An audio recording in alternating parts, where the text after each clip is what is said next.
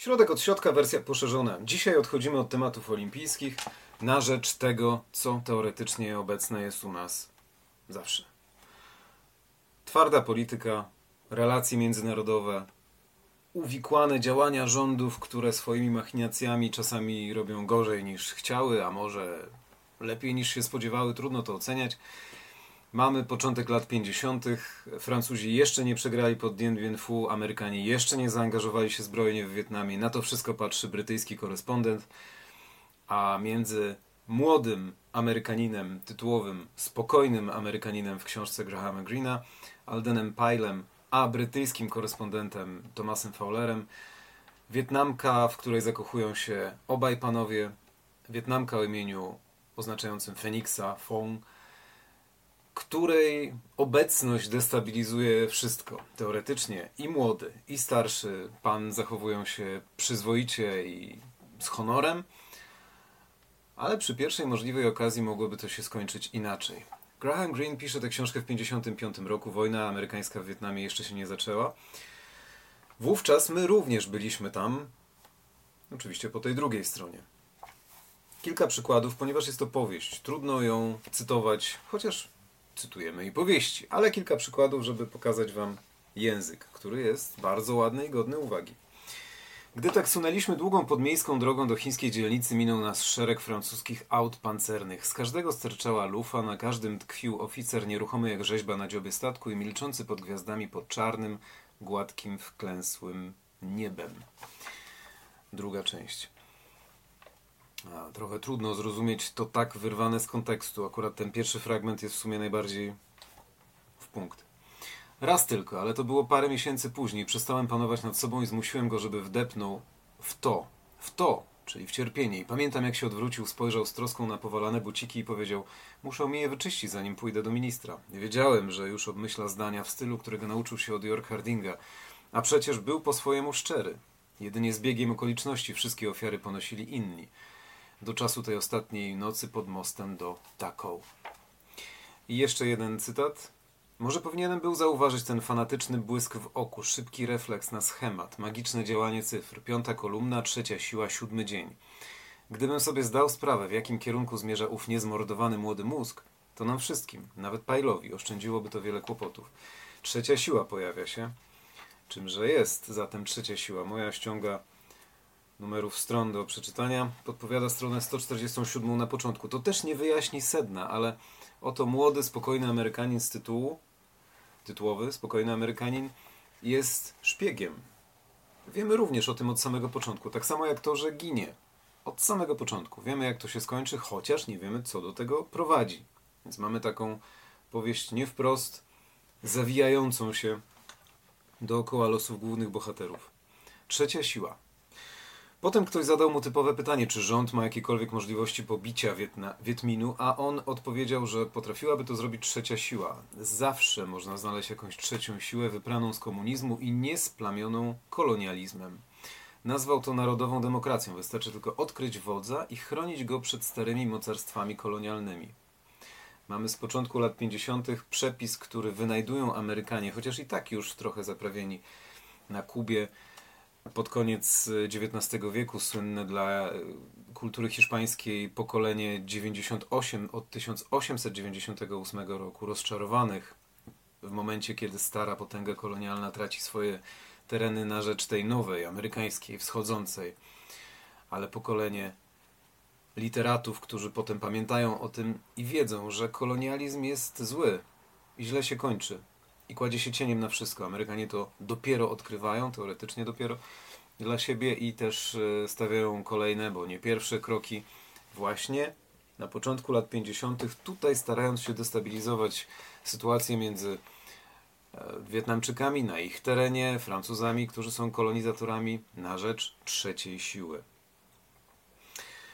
Mm, Pyle, który jest spokojnym Amerykaninem tytułowym, sprowadza do Wietnamu plastik jak się okazuje, ma także sztance, które służą do produkcji niby niewinnie czegoś, co e, drugi główny bohater, Fowler, uważa, że może być zabawkami, a okazuje się pompkami do rowerów.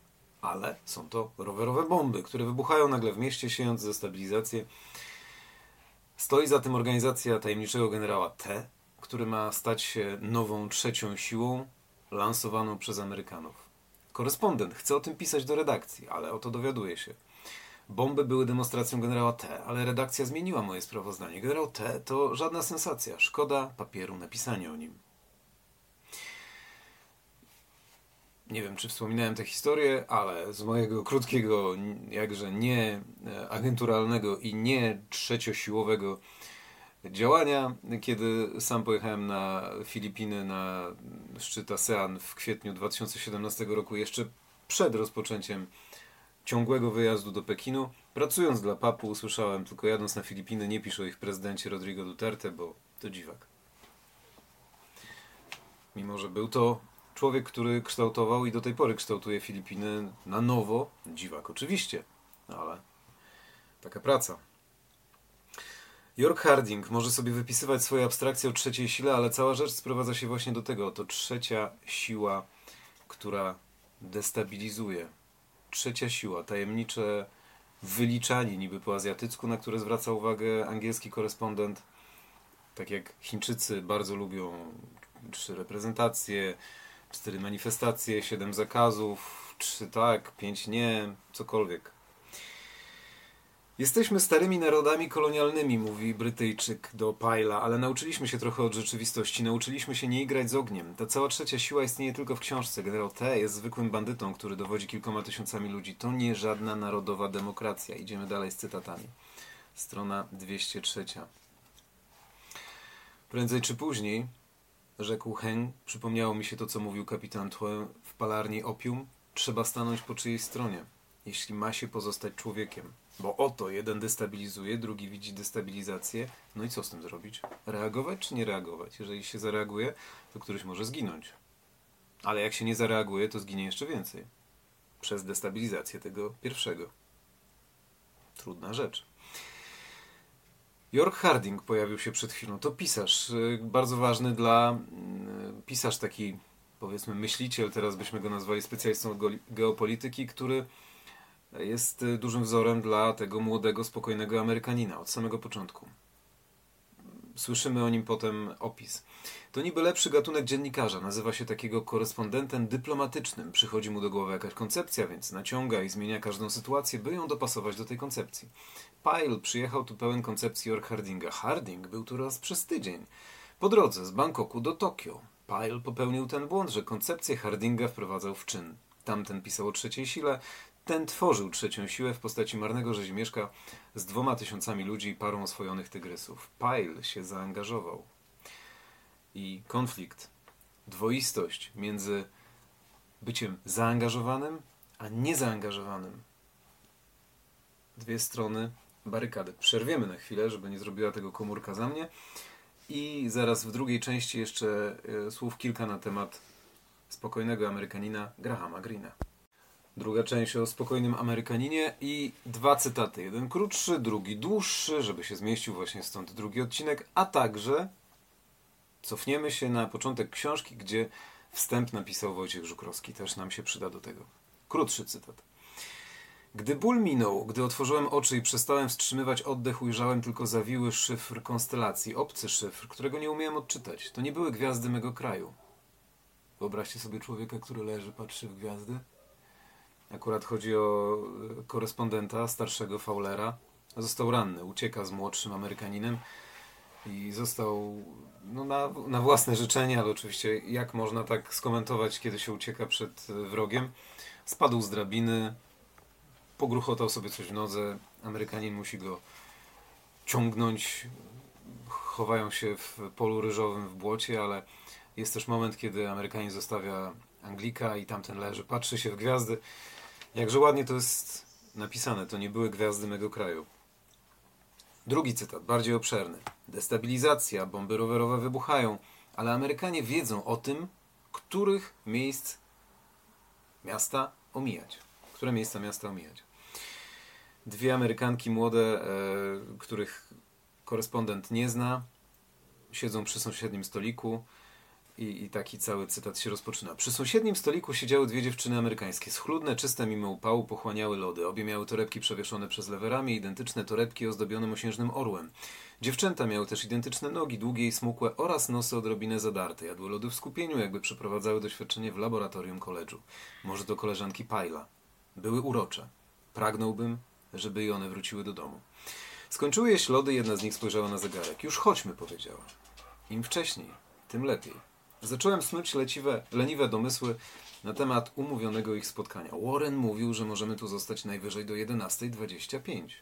Strasznie zabawnie, już minęła. Strasznie zabawnie byłoby zostać. Nie mam pojęcia o co właściwie chodzi, a ty? Nie bardzo. Ale Warren mówił wyraźnie, żeby tu nie siedzieć. Czy myślisz, że szykuje się jakaś demonstracja? Tyle się już napatrzyłam demonstracji, odparła tamta ze znużeniem, jak turysta, któremu przejadły się kościoły. Wstała i położyła na stoliku należność za lody. Przed wyjściem z lokalu rozejrzała się wokół, a lustra odbiły pod różnymi kątami jej piegowaty profil. W salce zostały tylko dwie osoby, ja i zaniedbana starszawa francuska, która szminkowała się starannie i bezużytecznie. Tamte dwie prawie nie potrzebowały szminki, wystarczyło szybkie pociągnięcie pomadką, przyczesanie włosów. Wzrok dziewczyny spoczął przez chwilę na mnie. Nie był to wzrok kobiecy, lecz męskie, bezpośrednie spojrzenie rozważające plan działania. Potem zwróciła się szybko do towarzyszki. Idziemy. Przyglądałem się gnuśnie, jak wychodzą ramię w ramię na ulicę spękaną od słońca, nie do pomyślenia, by któraś z nich mogła ulec nieokiełznanym namiętnością. Wymięte prześcieradła i pod zmysłów to nie dla nich. Czy nawet do łóżka biorą ze sobą środki odwadniające? Przez chwilę ku swemu zdziwieniu zazdrościłem im tego sterylizowanego świata tak odmiennego niż świat, gdzie mieszkałem, który nagle i niepojęcie rozleciał się w kawałki. Dwa lustra ścienne pofrunęły ku mnie i w pół drogi gruchnęły na ziemię. Zaniedbana francuska klęczała wśród szczątków krzeseł i stolików. Jej puderniczka otwarta i nieuszkodzona spoczywała na mych kolanach. Nagle wybuchła bomba. Te dwie wyszły. Wiedziały, kiedy mają wyjść. Dookoła bohatera i tej francuskiej starszej wybucha całość. Jedna z bomb rowerowych, która miała wybuchnąć po 11.25. No i dalej. Na początku książki jest przedmowa Wojciecha Żukrowskiego. E, on zasługuje na osobny odcinek, to na pewno. Natomiast e, przypomina sam sobie rozmowę z Greenem, bo Żukrowski także był w Wietnamie. Właśnie tak jak wspominałem w pierwszej części, Polacy byli tam e, na początku lat 50. po drugiej stronie barykady. No i on rozpoczyna rozmowę przedmowę od rozmowy z Greenem po latach. Przypominam sobie rozmowę z Greenem owego jesiennego wieczoru, gdy chłodna ulewa siekła to pole za oknem. Zapytałem go, czy odpowiada mu etykietka pisarz katolicki. Jestem tylko katolikiem, który pisze książki, to mi wystarczy, opędzał się przekornie i z tym mam już dosyć kłopotów. Jeśli szukacie tego nurtu, nie uciszajcie niepokoju, jaki w was zbudzi lektura tej powieści. Nie w książce bowiem, trzeba go tropić, ale w sobie, pisze Żukrowski. Przeżyliśmy wiele, nawet zbyt wiele, jak na jedno pokolenie. Ponieśliśmy tyle klęsk, jakże często i w nas wstaje tchórzliwa chęć ucieczki, odwrócenia się plecami do cierpień bliźniego. Co nas to w końcu obchodzi?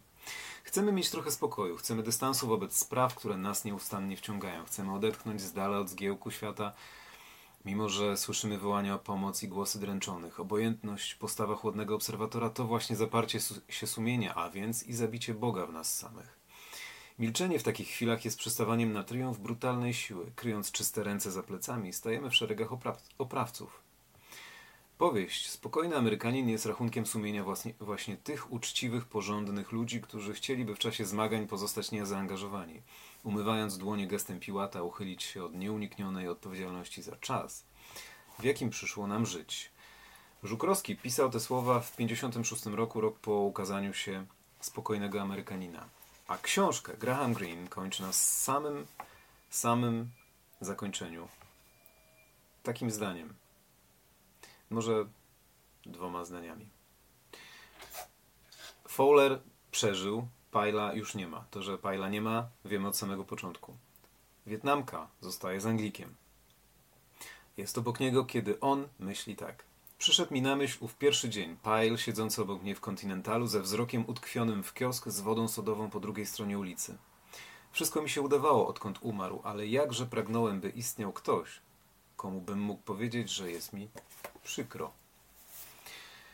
Spokojny Amerykanin. Powieść o trzeciej sile, ludziach, ich namiętnościach, miłości, rozterkach, byciu nie na miejscu, ale z drugiej strony rozpoznawaniu domu na terenie tak daleko odległym od tego, który zostawiło się jadąc właśnie w to odległe miejsce, o szukaniu siebie, nawet mimowolnie, o odnajdywaniu sensu w tym, co jawi się bezsensowne, o próbie układania sobie życia na nowo i próbie tego rozrachunku z tym, o czym pisał w przedmowie Żukrowski, żeby objąć jakieś, zająć jakieś stanowisko, nawet jeżeli wiąże się z wyrządzeniem krzywdy innym. Ważenie krzywd. Jedna ofiara kontra wiele ofiar. Tak naprawdę działanie korespondenta, nieobojętność korespondenta z Wielkiej Brytanii e, wyjawia miejsce, w którym będzie Pyle, wystawia Amerykanina, który destabilizuje Wietnamczykom. Oni usuwają Amerykanina. Teoretycznie Anglik jest w tym momencie bez winy, choć pośrednio do tego doprowadził, ale Wietnamczycy, gdyby, gdyby chcieli, też byliby w stanie znaleźć Amerykanina po swojemu. Mniej rowerowych bomb, ale potem jedna wielka wojna, która i tak się toczy. Spokojny Amerykanin, powieść z roku 55 o wojnie w Wietnamie, która jeszcze była tą wojną w wersji 1.0, zanim stała się tą znaną przez nas amerykańską. Mniej znane czasy o tych samych ludziach, którzy są różnie portretowani przez osoby z dwóch różnych środowisk, ale teoretycznie bliższym, bliższych nam środowisk. Warto to przeczytać.